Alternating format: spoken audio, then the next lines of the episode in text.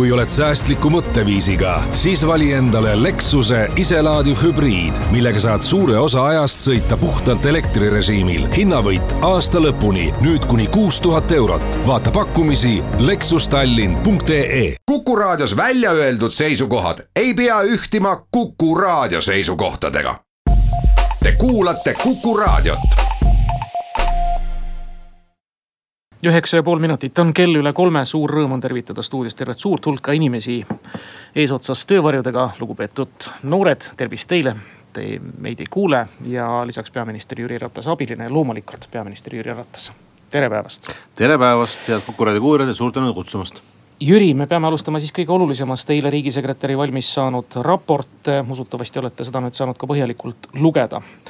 ka mina mitu korda järjest. Mm, see on üsna murettekitav, mis on nüüd kokkuvõtteks üsna lakooniliselt ja üsna heas loetavas keeles järeldatud riigisekretäri tema abiliste poolt. ma pean ütlema, et mulle subjektiivselt iseäranis tegi muret see teine punkt, mis puudutab tõepoolest Urmas Arumäe huvide konflikti seoses PRIA-ga ja minister Mart Järviku teadlikkust selle seos. mis on üheselt ainult tõlgendatav, küsimus on lihtne. millal te langetate otsuse Mart Järviku noh, pigemini mittejätkamise osas Vabariigi Valitsuse liikmena? Lühivastus on nii ruttu kui võimalik. Äh, jah, see mm, aruanne andis mulle rohkem, eks ju, kindlust ja kinnitust nendele kahtlustele, mida mina ütlesin välja meediale juba, ma ei tea, seitse-kaheksa päeva tagasi, kus ma ütlesin, et äh, mul on äh, küsimusi. mina ju need konkreetselt, äh, nende küsimuste fokusseeringu sinna aruandesse panin, ma tahtsin nendest saada siis riigisekretäri kinnitust, mida ma sain. mõnes kohas vaidluskohti on, aga paljudes kohtades on minu meelest see, see asi vägagi selge, nii et kui ma saan aru, et teie küsimus ajakirjanduse poolt on see, et mis nüüd edasi saab Eesti on olnud õnneks alati koalitsioonivalitsused.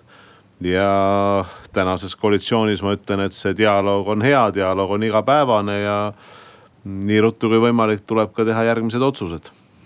ja ma vabandan muidugi, aga millal see nii ruttu kui võimalik on? no suure tõenäosusega, nagu ma ka eile ütlesin, see on ikkagi järgmine töönädal, täna on reedene päev, laupäev, pühapäev on vahel.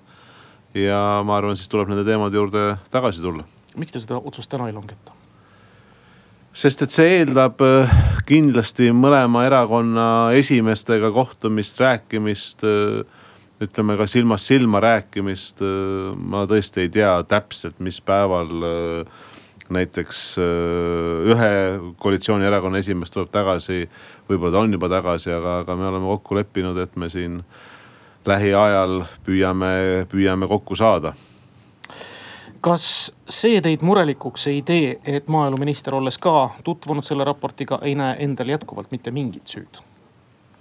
no kui, kui mind ei teeks midagi täna murelikuks, siis ma ütleks ju siin raadiosaates täna välja, et ma ei usu seda aruannet, et äh, see, see tõele ei vasta ja kõik, kõik läheb edasi. vastupidi, ma ütlen, et äh, need minu kahtlused said kinnitust äh, ja see, kui on kahtlused, ma ei tea, huvide konfliktis, kui on kahtlused äh, tõe rääkimises äh, valitsuse liikme poolt, äh, muidugi teeb see murelikuks, mitte ainult murelikuks, vaid lausa väga murelikuks, aga nagu ma ütlesin, Eestis on koalitsioonivalitsused ja me peame arvestama ka seda, et kui täna tehakse mingeid otsuseid, siis on küsimus, et mis toob homne päev, et ka need küsimused tuleb läbi arutada.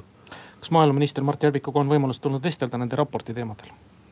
No ma vestlesin Mart Järvikuga täpselt nendel teemadel enne seda, selle isegi selle ülesande andmist, et äh, need olid ju nagu ma ütlen, et mm -hmm. ju mhm. see minu palve riigisekretärile nende küsimuste sisendi osas oli konkreetselt need, need neli episoodi. Äh, Arumäe huvide konflikti võimalikkus, ministri sekkumine äh, volituste küsimus, miks ühele pannakse allkiri, teisele ei panda ja neljandaks siis seesama listeeriabakteri küsimus, et millal siis minister sai teada, sellest aruandest tuleb välja, et see oli PRIA nõukoda, kui ma nüüd ei eksi, oli see minu meelest kaksteist juuni, mis käis koos, kus oli sellel teemal suur esitlus, peale seda oli ministri ettekanne, nii et mm, need andsid ainult kindlust ka nendele minu kahtlust, kahtlustele. pärast eilset pärastlõunat on teil vestlusi olnud? peale eilset pärastlõunat minul ei ole temaga vestlusi olnud. ma pean üle küsima, kas kinnituse või siis mittekinnituse selle kohta, nagu kirjutavad mõned kiuslikud inimesed või need, kes rohkem teavad kui mina. kas on küsimus tõesti nüüd lahkumismehhanismis, kas see, et kas ta lahkub vabatahtlikult või te viite Jüri Ratast tema lahkumise palve Kadriorgu, seal on küsimus lihtsalt selles, mis ta kompensatsiooniks saab. ei, ma arvan, see, see jah, tõsi, see vastab, vastab tõele, et, et on minu teada ka erinevus selles osas. Kui lahtu, lahkutakse vabatahtlikult, meil on olnud ju üks selline näide, mis oli Keskerakonna enda näide, see oli ühe meie ministri näide, toona siis vaidles rahandusministeerium ja riigikantselei olid erinevatel seisukohtadel, see oli enda siis vabatahtlik lahkumine ja täna me oleme ikkagi saanud aru, et kui on vabatahtlik lahkumine, siis ei ole ka mingit kompensatsiooni maksmist. aga küsimus antud kaasuses ei saa küll olla selles, küsimus on selles, et mida minister ise tunnetab, eks ju, et kas ta on eksinud või ei ole, noh tema ka kommentaarid peale seda aruande avalikuks tulekut on olnud ju väga jõulised, on olnud see, et ta ei ole, ta ei ole lahku või rikkunud ja ta, ta ei lahku kuhugi, nii et mm, eks kõigi selle teemaga ja selle aruande valguses tuleb tegeleda aitäh, Jüri Ratas, praegu saatejuhi küsimustele vastamast. nüüd kindlasti pärast reklaamipausi me räägime hoopis olulisematel teemadel, ehk siis see, mis Eesti inimestele korda läheb ja siis on teretulnud head kuulajad liituma meie saatega. stuudio number kuus, kaks, üks, neli, kuus, neli, kuus. küsimustele vastab kolmveerand tunni jagu peaminister Jüri Ratas. seitseteist ja pool minutit on kell üle kolme ja ma usun, et numbrit ei ole vaja korrata. kuus, kaks, üks, neli, kuus, neli, kuus, ma teen seda siiski protokolli jaoks. stuudios on peaminister Jüri Ratas, vastab kuulajate küsimustele. tervist. tervist äh,. selle nädala Pealtnägija tutvustas Eesti rahvale veel ühte äh, teie valitsuse maaeluministri väga tõsist noh, huvide konflikti olukorda, mis toimus nagu Järvakandis, kui vahetult enne äh, reformi Järvakandi vallavalitsus, keda juhtis teie minister äh,, otsustuskorras, mingis väga kiires korras, väga kummalisel moel äh, sedasama ministriga seotud vist oli poeg seal äh, nagu väga magusa krundi, et, et kas see ongi nüüd tänapäeva Eesti reaalsus ja mida te arvate sellest, et kas see võiks olla veel üks põhjus nagu ministriga nagu hüvasti jätta, et see ei ole ju euroopalik tava niimoodi asju ajada. aitäh teile küsimuse eest, et äh, ma, ma ütlen äh, täitsa ausalt, et seda kaasust äh, ma ei oska kommenteerida, et ma ei ole seda palunud mitte kellelgi uurida äh,. igasugused, eks ju, kahtlused peavad minu meelest Eestis läbipaistvas äh, meie ühiskonnas saama vastuse ja ma olen öelnud varasemalt sellist konstruktsiooni, et nad mitte ei pea olema ainult juriidiliselt korrektsed, vaid nad peavad ka näima äh, korrektsetena, ausatena, läbipaistvus peab olema selge ähm, ja antud juhul, kui te küsite, et kas see võiks olla ka siis nagu üks, ma ei tea põhjus või, või üks, üks plokk äh, veel juures selles, selle kaalutluse või otsuse tegemisel, siis äh, see info, mis mul on täna ja millega mul oli au vestelda saatejuhiga ennem seda reklaamipausi, et, et noh, ma olen enda jaoks selle üsna selgelt välja mõelnud, et ja ma ütle, olen öelnud täna ka meediale ja täna ju ka siin Kuku raadios otsestuudios, et et need kahtlused on, mis minul on olnud, on saanud kinnitust, nii et eks selles situatsioonis äh, tuleb minna edasi ja leida lahendus. kuus, kaks, üks, neli, kuus, neli, kuus ja järjekordne helistaja, tervist. tere, austatud peaminister. kuidas peaks Eesti reageerima olukorras, kui ei ole teada impeeriumi taastamist pooldavate jõudude eesmärk niinimetatud liiduvabariigi ENSV alustele tugineva uue piirilepingu osas, millega loodetakse Nõukogude okupatsiooni legaliseerimist. vastukaaluks Eestil on küll tugev välisminister, kes nõuab Tartu rahulepingu paragrahv kaks tunnustamist, kuid Eesti poliitikas on ka neid, kes ei pea vajalikuks tõkestada impeeriumimeelsete jõudude eesmärke ja stalinismi ilminguid. tänan tänan, no meie üks kindel ja vankumatu suund ja siht on ju see, et äh, Eesti on ja jääb demokraatlikuks, iseseisvaks äh, Eesti Vabariigiks. Äh, me lähtume oma põhiseadusest, me lähtume oma iseseisvusest, me lähtume oma vabadusest. kuidas me seda teeme? Me teeme seda läbi oma inimeste, et meie ühiskond oleks võimalikult ühtne, võimalikult sidus ja tugev. me teeme seda oma kaitseväe oma Kaitseliidu, mis igapäevaselt saab järjest tugevamaks ja tugevamaks. ja kindlasti me teeme seda läbi oma tugevate liitlaste NATO-s. see on tegelikult tugev NATO, see on tugevad transatlantilised suhted. aga see on ka see rahuprojekt, kus Eesti on kuulunud juba viisteist aastat ja selle nimi on Euroopa Liit. aitäh! Kuus, kaks, üks, neli, kuus, neli, kuus ja uus kõneleja, küsija, tervist! Tere, mul on selline küsimus peaministrile, et ähm, teatavasti oli mingi aeg tagasi, hetk tagasi oli meil Lõuna-Eestis äh, tugev elektrikatkestus ja ma selles valguses vaataks nagu tulevikku, et äh, kahekümne neljandal aastal me selle lahkumises äh, või, või, või ühesõnaga lõikame läbi ühenduse Venemaa energiasüsteemiga. teatavasti, mida suurem on, mida suure, mida rohkem on võrke ühendusi, seda stabiilsem on energiasüsteem. et, et, et on oht, et võivad tekkida katkestused ja selline katkestus, mis hõlmab kogu Eestit, et, et kergekäeliselt äh, kirjutasite selle asjale alla äh,. ei arvestanud äh, Tallinna Tehnikaülikooli professorite arvamust, võtsite selle lihtsalt teadmiseks. et äh, kuidas te sellises olukorras kavatsete edasi edasi elada, kui näiteks kahekümne viiendal aastal meil toimub ülevabariigiline katkestus. näiteks, ma toon sulle lühikese näite teile. aitäh, aitäh teile, hea küsija, et äh, ma väga vabandan, aga ütleme nii, et kui see teie soov või teie näide peab paika, aga miks siis need elektriühendused ja energiaühendused täna ei toimunud seal Võrus ja Lõuna-Eestis?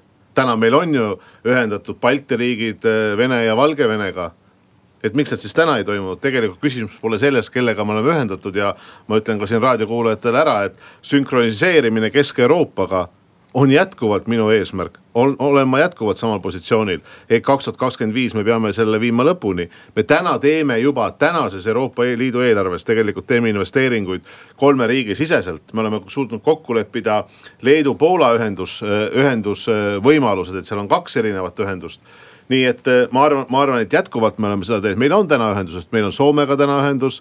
me ehitame täna gaasivõrkude äh, ühendus gaasituru mõttes, olgu kasvõi Balticconnector selleks üheks näiteks, ühenduse äh, toru mõttes. nüüd see, mis oli Lõuna-Eesti või Võru õppetund minu jaoks. ma tooksin siit välja võib-olla kolm peamist asja, loomulikult ma tänan neid inimesi, kes selles raskes olukorras said hakkama, mõned said väga pikalt hakkama, mõned said kuus või seitse päeva hakkama ja loomulikult see ei ole mõistlik aeg. aga küsimus punkt üks on see, et kuidas me suudame tagada side olemasolu. punkt kaks on see, kuidas me suudame tagada kütuse kättesaamise ja see ei ole lahendus, et sellises raskes hetkel Võrus tuleb sõita kütust tooma Tartusse kui niisugused asjad juhtuksid näiteks Hiiumaal või Saaremaal, vabandust, aga siis ei saa mitte kuhugi sõita. nii et, et meil on olemas tanklad, kus on võimalik saada ka kütust elektrikatkestuse korral ja kolmandaks on terve generaatorite süsteem ikkagi sellistes elutähtsate, ütleme teenuste pakkujate juures. jah ma tegelikult tunnustan siin Võru haiglat, Võru haigla sai hakkama. aga kui me mõtleme hooldekodudele, siis seal ei ole generaatorite süsteeme. kui me mõtleme sellele, et see katkestus oleks võinud olla jaanuar-veebruar, kui õues on miinus kümme, miinus viisteist, miinus kakskümmend. ja see ei kesta kaheksa tundi, vaid see kestab, ma ei tea, kakskümmend neli tundi, nelikümmend kaheksa tundi. nii et jah, võib-olla kolm põhiasja, side, kütus ja generaatorite võrk kuus, kaks, üks, neli, kuus, neli, kuus, enne pooltunni uudiseid jõuame ühe kõne vastu võtta ja küsimuse, tervist. tere päevast Euroopa normid on nähtavasti sada äh, ühikut, aga nüüd meil on nulltolerants siin kehtestatud, kas peaminister teab, kes kehtestas selle nulli? Aitäh aitäh, andke andeks, aga ma ei saanud täpselt aru, mis valdkonnas te. listeeria äh,, MV Vool ja Veterinaar- ja Toiduameti kehtestatud nulltolerants äh,. ja ma toetan igal juhul seda, kui te räägite sellest listeeria küsimust, aitäh saatejuhile. siis igal juhul ma toetan seda VTA positsiooni täna, et seal peab kehtima nulltolerants. ja algusest peale, esimesest ma ütleks sekundist peale, kui me räägime sellest listeeria bakteripuhangust, tuleb valida üks asi, üks positsioon see on äh, inimeste tervise, inimeste elu ja toiduohutuse kaitsmine, see on peamine, sellised tooted ei tohi saada müügilettidele, olgu see hulgi või jaemüük. siiski, siiski vaatame kella, jõuame ühe kõne veel vastu võtta, tervist. tere. palun kiire küsimus. härra peaminister, oleks soovinud küsida sihukest asja, et äh, miks peab toetama LGBT rahaliselt, et nad on jumalast terved inimesed, võivad tööl käia, raha teenida. et milleks on see raha neile mõeldud? aitäh teile, et, et äh, ma väga tänan selle küsimuse eest, aga äh, ega me, riik toetab erinevaid äh, ühiskonnagruppe, riik toetab erinevaid ühendusi ja ega riik ei toeta neid, nagu te tõite välja, et kas, kas keegi on haiged või keegi on terved. et see ei ole absoluutselt ju nende toetuste mõte. me toetame paljulapselisi peresid, me toetame pereväärtusi. tõesti, sotsiaalministeeriumi üks toetus läheb ka LGBT-dele ja nemad seisavad oma vähemuste õiguste eest. ja me ei saa öelda, me ei saa, me ei tõmba ju siin mingit joont vahele, et kas, kas keegi on haige või on keegi terve, et see ei ole ju ming, mitte mingisugune kriteerium. ja mina isiklikult arvan, et riik peabki toetama erinevaid äh, organisatsioone ja nüüd on üks siit välja võetud, eks ju, ühest on tehtud selline suur äh, vastasseis ühiskonnas. see ei too küll ühiskonnale kasu et nagu ma olen öelnud ja ma olen jätkuvalt sellel seisukohal, et me peame Eestist ehitama sellist äh, solidaarset, sõbralikku ja avatud Eestit aitäh praeguseks ja kuulajad, pärast kella poole neljaseid lühiuudised olete taas teretulnud saatega liituma, küsima peaminister Jüri Rataselt küsimusi. kolmkümmend neli minutit on kell üle kolme, Kuku raadio stuudios on istet võtnud peaminister Jüri Ratas ja teda täna saatvad vahvad töövarjud, kes siis ilmselt tänase põhjal otsustavad, kas nad tahavad poliitikasse siirduda või mitte tulevikus. aga meie ootame kuulajate kõnesid numbril kuus, kaks, üks, neli, kuus, neli, kuus ja helistaja koos küsimusega on liinil, tervist. tervist ja jõudu, härra peaminister. küsimus on järgmine te hoiate Eesti riigis korda majas. millal Ärma sada viiskümmend tuhat ära aegub, mis peteti välja EAS-is ja ka seal nende riigikogu juhtkonna heakskiidul, tähendab. helistasin peaprokuröri, tähendab küsisin, ta ütles, et ei ole kuriteoteadet tulnud ega mitte midagi. seda läbi kuulata, kus nüüd jagatakse lapsepõlves, mis on keegi kuskil õunavargil käinud seal Vändra kandis ja, ja tehakse nihukene pasavedu, nii et kas te oskate öelda mulle, millal see ära aegub ja kas võetakse käsi, käsile see asi, aitäh! Aitäh, tervist ja jõudu tarvis. et jutt on, ma saan aru, siis Ärmast, et meie presidenti Ilvese kodust, et ütlen siin raadioeetris, et ma arvan, et kõik Eesti mm, Vabariigi presidendid, võtame siis iseseisvuse taastanud ajal nii Lennart Meri president Arnold Rüütel, president Toomas Hendrik Ilves ja tänane vabariigi president Kersti Kaljulaid, et ma olen täiesti veendunud, et nad teevad ja on teinud oma tööd selle huvides, et Eestil ja Eestimaal läheks hästi. presidentidele on nähtud ette, kui nad ametist lahkuvad, ka teatud hüved nii nende kulude, kommunaalkulude katmisel kui ka teatud palkade, palga maksmisel ka nende siis abikaasadele. ja ma arvan, et see on sellise küpse ja väärika riigi tunnus, aitäh. kuus, kaks, üks, neli, kuus, neli, kuus ja uus helistaja, tervist. tere, mul on väga hea meel, et käsitletakse ka muid teemasid kui maaeluminister, kuna mulle millegipärast tundub, et see ei ole üldse mitte kõige tähtsam asi Eesti Vabariigis praegu e,. väga, väga oluline on küsimus sellest energiajulgeolekust ja Venemaa, Valgevene ühisest elektrisüsteemist lahtiühendamisest mul oleks selline küsimus, et ma olen lugenud päris palju materjali erinevat selle kohta ja suhelnud ka inimestega, kuna kunagi väga ammu õpitu on selle asjaga väga seotud, siis ma päris paljusid inimesi, spetsialiste tunnen. ei ole kohanud mitte ühtegi spetsialisti arvamust, kes seda asja nagu õigeks peaks. absoluutselt kõigi arvates, üks, üks nendest on akadeemik ja professorid ja dotsente ja keda seal ka ei ole ja praktiseerivaid elektroenergeetikuid.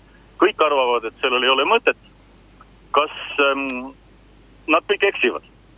aitäh mm. -hmm. aitäh, ma saan aru, et teie mõte on siis see, et kas kõik need professorid ja energeetikas, energeetikud, kes ütlevad, et tuleb hoida seda ühendust Venemaa ja Valgevenega ja et kui riik nagu selle ühenduse ära lõpp, lõpetab, et siis, et nemad ütlevad, et see ei ole õige. Et kas nad siis eksivad, ei, ma arvan, et siin on erinevaid arvamusi, aga ma jään sama vastuse juurde, mis ma jäin eelnevalt, et äh, ühelt poolt see on meie julgeoleku küsimus ja see nii on Äh, teiselt poolt on ka see see, et Eesti soovib teha ka oma elektri või energeetikaühenduse Kesk-Euroopaga. tõsi, mingil hetkel oli see ka valik, et kas see teha otse Põhjamaaga või Kesk-Euroopaga. täna on see valik langetatud, see on läbi Poola Kesk-Euroopaga, me oleme kirjutanud alla ju nii Euroopa Komisjoni, Eesti, Läti, Leedu kui ka Poola äh, peaministritega ja komisjoni presidendiga erinevaid memorandumeid ja toetusavaldusi selleks, nii et ja nagu ma ütlesin, juba sellest Euroopa Liidu eelarveperioodist kuni aasta lõpuni kaks tuhat kakskümmend tegelikult investeeringud juba toimuvad, nii et mina pean seda õigeks, aitäh. kuus, kaks, üks, neli, kuus, neli, kuus, meenutame ikka numbrit ja järgmine helistaja, tervist. tere mul oleks teile selline küsimus, härra peaminister. et avaliku huvi puudumine proua Krossi lahendis, millal äh, ja mil-, mismoodi on see põhjendatud, et see on avaliku huvi puudumine. mul on lahti internet, kus üks meie kodumaa kaitsja, kes on vandunud relv käes kaitsta oma kodumaad, on väga pettunud ja soovib öö, äh, meie Eh, tähendab eh, seda asja muutmist. kuidas saab seda põhjendada, et see on avaliku huvi puudumine? aitäh, kõigepealt ma arvan, et tänases ajastul, eks ju, me keegi ei hakka midagi muutma relv käes. ma arvan, see oli lihtsalt, ma ei tea, kas see oli paralleel sellele või mitte et meil on üks jõud ja see on sõnajõud ja rohkem meil neid jõude, mida kasutada mm, ei ole ju, et äh, rahuajal et äh, kui ma räägin või kui te küsite selle Mary Krossi juhtumi kohta, siis ma ütlen oma isikliku arvamuse, et äh, see kui Eesti politseile, rääkimata sellest, et ka avalikkusele, aga Eesti politseile valetatakse ja öeldakse, et mind on rünnatud, mind on kividega, ma ei tea, kas ähvardatud või visatud. ja pärast tuleb välja, et pole midagi sellist juhtunud, pärast tuleb välja, et see inimene ei ole üldse seal asunudki. siis oportuniteediga see asi lõpetatakse, kui ma ei eksi ja siis tuleb uus intervjuu ajakirjanduses, kus öeldakse, aga tegelikult saadi minust valesti ära ja ikka on mind rünnatud. jah, ka mina ei kiida seda heaks, et ma arvan, et nii kui, kui nii käitutakse Eesti politseiga, sest nii käit-, seda alati saab laiendada, siis nii käitutakse ka Eesti riigiga. nii et ma ei kiida seda juhtumit, mida on siis proua, proua Kross teinud, mitte kuidagi heaks. järgmine helistaja, tervist. tere õhtust mina küsiks härra peaministri käest sellist asja. et no ta on väga raudsete närvidega mees ja nagu ei kujutagi ette kedagi teist siin praegu Eesti peaministrina. aga kuidas eh, tema suhtub selle Kaja Kallase väljaütlemisse, et kas see ka absoluutselt mitte mingit närvi ei liigutanud, aitäh. aitäh teile et ma saan aru, et jutt, jutt on siis sellest, et kus proua Kaja Kallas ütles vist Aktuaalse Kaamera äh, uudistes, et Jüri Ratas on nõus Eesti maha müüma iga hetk vist, kui, kui ma saan küsijast õigesti aru. et kui see nii oli, see teie küsimus siis teie küsimus oli, kas ta minu närvi või minu emotsioone kuidagi ei liigutanud, siis vastus on liigutas küll. liigutas küll ja äh, see liigutas ju selles suunas, et äh, põhimõtteliselt maha müüma tähendab äh, riiki reetma. tõsi proua Kaja Kallas ta otseselt ei ole öelnud, et ta, ta vabandab või ta nii ei mõtle, mõelnud, ta on öelnud, et, et kui Mart Järvik ei jätka, et siis ta on nõus vabandama, noh sellest äh, võrdlusest on raske aru saada minul, et miks siis peab äh, Järviku selja taha äh, minema. aga muidugi liigutas, sest et riigi reetmine on üks kõige suuremaid kuritegusid, mida saab üks inimene toime panna. ja kahjuks meil on ka viimasel ajal ju neid juhtumeid, kui on riigireetjad. loomulikult äh, ma töötan iga päev selle nimel, et Eesti riik äh, kestaks, meie iseseisvus kestaks ja ma tegelikult arvan, ma tegelikult arvan, et äh, natukene tundes Kaja Kallast, et ma arvan, et ta tegelikult neid sõnu, kui saaks tagasi aega kerida, vaevalt, et ta neid uuesti ütleks. kuus, kaks, üks, neli, kuus, neli, kuus on järgmise küsija liinile võtnud, tervist. tervist küsida, kas ka kunagi pensionärid või grupiga inimesed ka hakkavad õiget pensi saama? või nagu näiteks Tallinnas antakse seal viissada eurot äh, juurde, kas meie, meil, meie ei saa need teised linnad või teised, teised riigi elanikud või? Ja aitäh, no ma natukene vist kahtlen, et Tallinnas viissada eurot kuus juurde antakse, kunagi oli see viissada krooni, kui see tuli ja võib-olla sellest on see viissada ühik jäänud. tõsi, võib-olla kui see taandada nüüd aasta peale, siis ma ei oska öelda täpselt, kui suur see pension, pensionitoetus on, et siis ta võib tõesti olla isegi üle viiesaja. aga noh, küsimus on võib-olla sihuke üldfilosoofilisem, kui see oli teil, et millal on siis selline noh, pension, mida on võimalik võrrelda siis Skandinaaviaga, millal äh, pensionär saab ennast äh, tunda kindlana mm, äh, ja oma pensionist ilusti ära elada. võib-olla kõige sellisem otsesem võrdlus, mis mind kõige rohkem hinges kriibib, on see, et kui inimene peab ühel hetkel hooldekodusse minema, et tal ei tule oma pensionist välja, hoolimata, et ta on töötanud kas nelikümmend või nelikümmend neli aastat. nii et me iga aasta ju pingutame selle nimel, et pensioni tõsta, järgmise aasta aprillis tõusevad ka pensionid. see on see koht, kus siis eh, mind on kritiseeritud väga tugevasti, et näete, et erakorraline pensionitõus seitse eurot no ma olen alati öelnud, et tuleb liita mõlemad liidetavad kokku, üks on indekseerimine, mis on kolmkümmend kaheksa eurot ja erakorraline pensionitõus on seitse eurot, see on kokku nelikümmend viis eurot, see on keskmises tööstaažiga. aga tõesti see statistika, kus äh, meie eakad elavad alla poole suhtelises vaesuspiiris, seal nelikümmend seitse koma viis protsenti. loomulikult see mitte kuidagi ei ilusta mm, Eesti ütleme siis äh, elatustaset eakate osas ega ei ole ka ilus äh, number võrreldes teiste Euroopa riikidega. nii et selle nimel, et pensione tõsta, olgu see kasvõi üks sent, me suudame sinna juurde anda erakorralist tõusu. ma arvan, et on igal juhul õige. Ja enne väikest asutud teadannete pausi veel üks küsija, tervist. tervist, härra president, peaminister Jüri Ratas. helistab ka vahepeal üks naisterahvas ja mina täitsa muretsen teie pärast, et te ikka vastu peaksite, kuidas te ennast lõõgustate et teil on ikka väga pingeline elu suur, suur tänu teile ja aitäh muret tundmast. saan hakkama, kinnitan teile, on tore meeskond, töökaaslased, kes on minu ümber. kui te nii küsite, eks ma siis ka vastan, selleks on kindlasti minu jaoks minu pere, väga olulisel kohal minu sõbrad, sport ja ka saun. hea tundega läheme praegu väikesele reklaamipausile nelikümmend seitse minutit on kell üle kolme, me liigume üsna heas küsimuste ja vastuste tempos. stuudios on peaminister Jüri Ratas stuudio number kuus, kaks, üks, neli, kuus, neli, kuus, kuhu on oodatud teie küsimused otse-eetris, tervist. Tere päevast, härra peaminister, kas sellise küsimuse, et äh, enne uudiseid peaminister rääkis siin, kuidas me ehitame üles rõõmsat solidaarset Eestit, kus kõigil on hea elada. et äh, selline küsimus, et miks see solidaarne Eesti kuidagi ei jõua meil omakse hooldajateni? Et paraku meil on Eestis, ma arvan, et äh, tuhandeid, mitte kümneid tuhandeid inimesi, kes mingil põhjusel kas ei saa või ei soovi näiteks oma lähedast sügava või raske puudega inimest saata hooldusasutusse, sest ka hooldusasutuse juurdemaksusummad on küllaltki suured, mis omaksjatele tuleb äh, juurde maksta. ja kes on jäetud äh, lausa ilma peale, ütleme niimoodi mingi sümboolse summaga, nad peavad kakskümmend neli seitse oma omaksjatega toime tulema Äh, riik siis läbi omavalitsuse annab mingi sümboolse viiskümmend eurot kuus, ütleme niimoodi, ja kui inimene on siis registreerinud ennast töötuks, saab heal juhul ka eluasemetoetust ja haigekassa, kui ei ole registreerinud töötuks, ei saa sedagi ja paraku nii on ja nii on ja kui poliitikud siin enne valimisi härdaks muutuvad ja tahavad hirmsasti suhelda, siis tõstetakse see teema ülesse ja kui valimised on möödas, siis tegeletakse põhiasjaga, mis nendel ikka on, riigipigruka jagamise ja kisklemisega ja, ja nii jääb. kas jääb ka nii?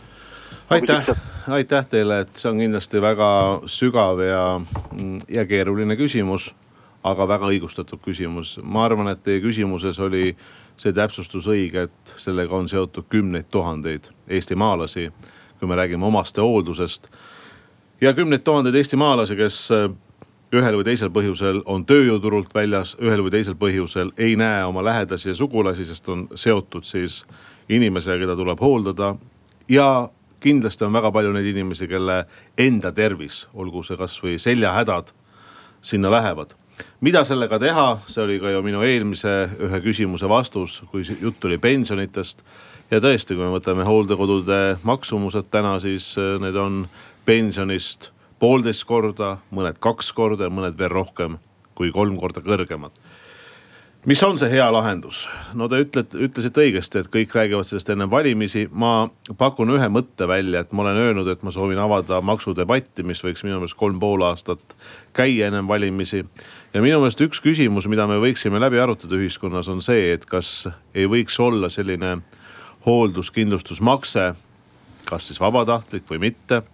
ja just sealt tagatakse siis inimestele vajadusel hooldekodu kohast puudujav summa või koduteenus, mis aitab seda, mida te just ütlesite, omastehoolduse küsimust.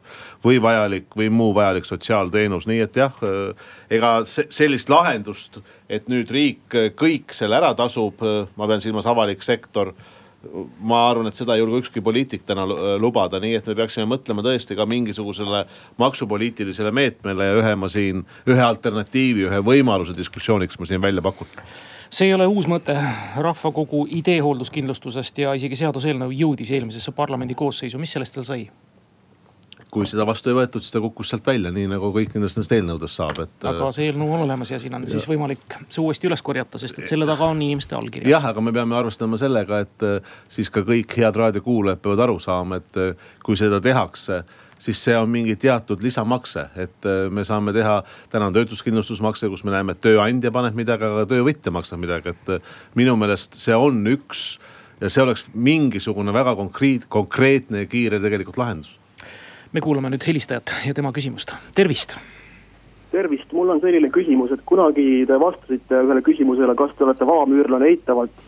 kuidas on praegu sellel rindel seisud, et kas teid on vähemalt üritatud värvata?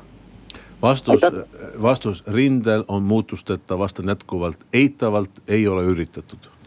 kuus, kaks, üks, neli, kuus, neli, kuus ja oleme järgmise küsija liinile palunud, saanud, tervist. tere päevast, selline küsimus peaministrile, kus on tema vastutustunne Eesti riigi ja rahva ees, kui ta teeb jätkuvalt valitsust niivõrd ebakompetentse ja Eestist, Eestit lõhestava seltskonnaga nagu EKRE, aitäh aitäh, kus südametunnistus on, eks inimesel on ikka südametunnistus seal, kus meil kõigil on. aga kui küsimus on EKRE-s, siis äh, austatud äh, küsija ja raadiokuulaja. tänane on riigikogu, kus on viis erakonda. mina ei tea, kuidas teie ja vaevalt, et teie teate, kuidas mina ja keda mina valisin. ja me ei peagi seda teadma, sest valimised on salajased, ühetaolised, aga äh, see erakond on valitud täna riigikogusse, tal on üheksateist kohta riigikogus ja võib öelda, et tema kasv võrreldes eelmise koosseisuga on olnud suurim. ja mina töötan tõesti selle nimel, mida siin üks küsija küsis sellest solidaarsest ühiskonnast, et kõik, kes on valitud Riigikokku, kõik erakonnad peaksid olema minu meelest sellises normaalses ühiskonnas võimelised olema nii opositsioonis kui koalitsioonis. see, et Keskerakonda välistati kümme aastat, öeldi, et Keskerakond ei sobi koalitsiooni. ma arvan, et see ei ole küll ühiskonna ühtsusele mitte kuidagi hea kuus, kaks, üks, neli, kuus, neli, kuus, järgmine helistaja, tervist.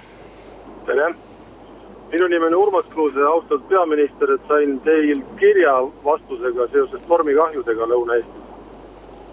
ja, ja seal kirja lõpus oli üks lause, mis viitas sellele, et kuna praegu ükski omavalitsuse ettevõte valitsuse poole pöördunud ei ole seoses kahjudega, siis ei ole ka midagi eraldada, et kas ma loen sellest välja seda, et kui peaks mõni omavalitsus pöörduma siis valitsus on valmis arutama ja oma reservist äh, võimalikke summasid eraldama austatud riigikogu liige härra Urmas Kruuse, ma kõigepealt loodan väga, et kui see müra seal taga oli liiklus, et teil on hands-free ja see on oluline käed eemal süsteem roolist.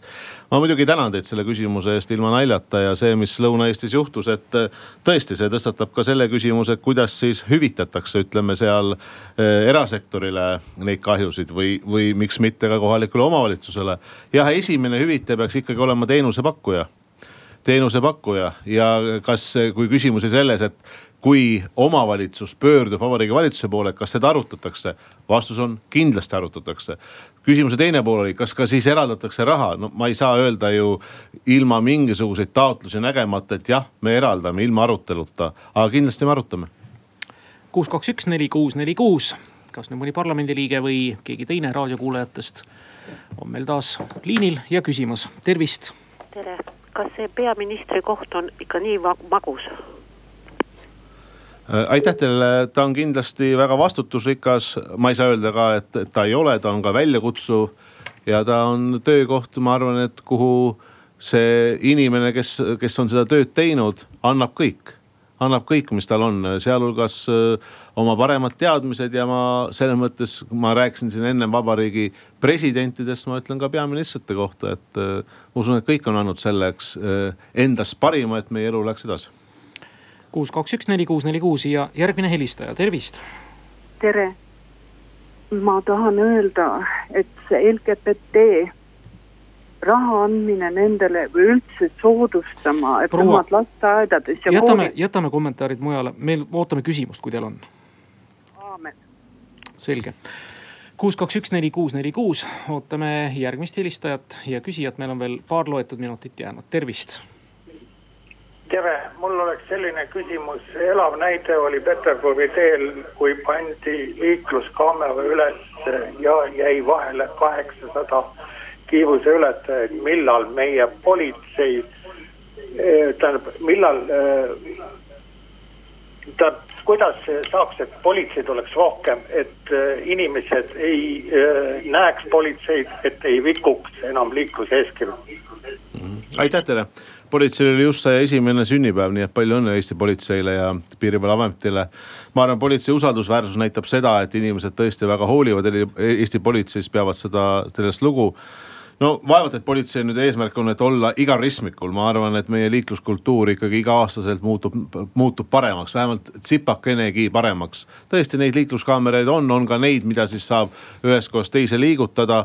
aga loomulikult ka preventatiivne töö politseil liiklus, ütleme järelevalves on oluline. aga vaevalt, et politsei soov on nüüd see, et, et igal ristmikul oleks politsei, kes mõõdab seal kiirust. seda kindlasti vaja ei ole ilmselt tänase saate viimane helistaja ja küsija, tervist. tervist, Kuku raadio, tervist, peaminister.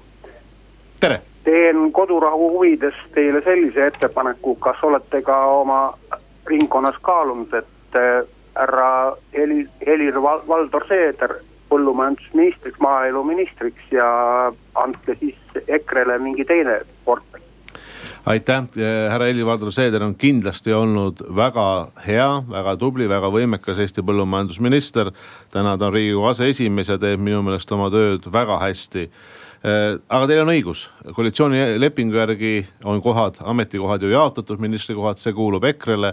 kas sellist mõttekäiku on koalitsioonis või nagu te ütlesite, rähiringis arutatud? vastus on ei ole meil on paraku nüüd see aeg otsas, et me ei saa küsijad enam vastu võtta. üks kiire küsimus, kas me jõulukuusse siseneme loodetavasti rahuaega ja advendikuusse nüüd uue maaeluministriga? austatud saatejuht, see on väga hea küsimus.